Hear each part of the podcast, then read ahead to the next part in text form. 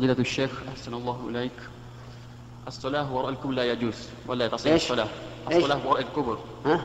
الصلاة اي وراء الكبر لا تصح ولا يجوز. وفرع من ذلك هل تصح الصلاة وراء كبر النبي صلى الله عليه وسلم في المسجد النبوي؟ نعم والله.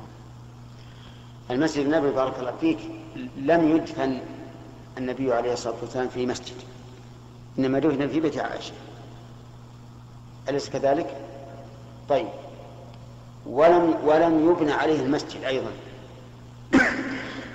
وإنما كان المسجد قائما من قبل من حياة الرسول صلى الله عليه وعلى آله وسلم لكن في أواخر المئة احتاجوا إلى زيادة فيه.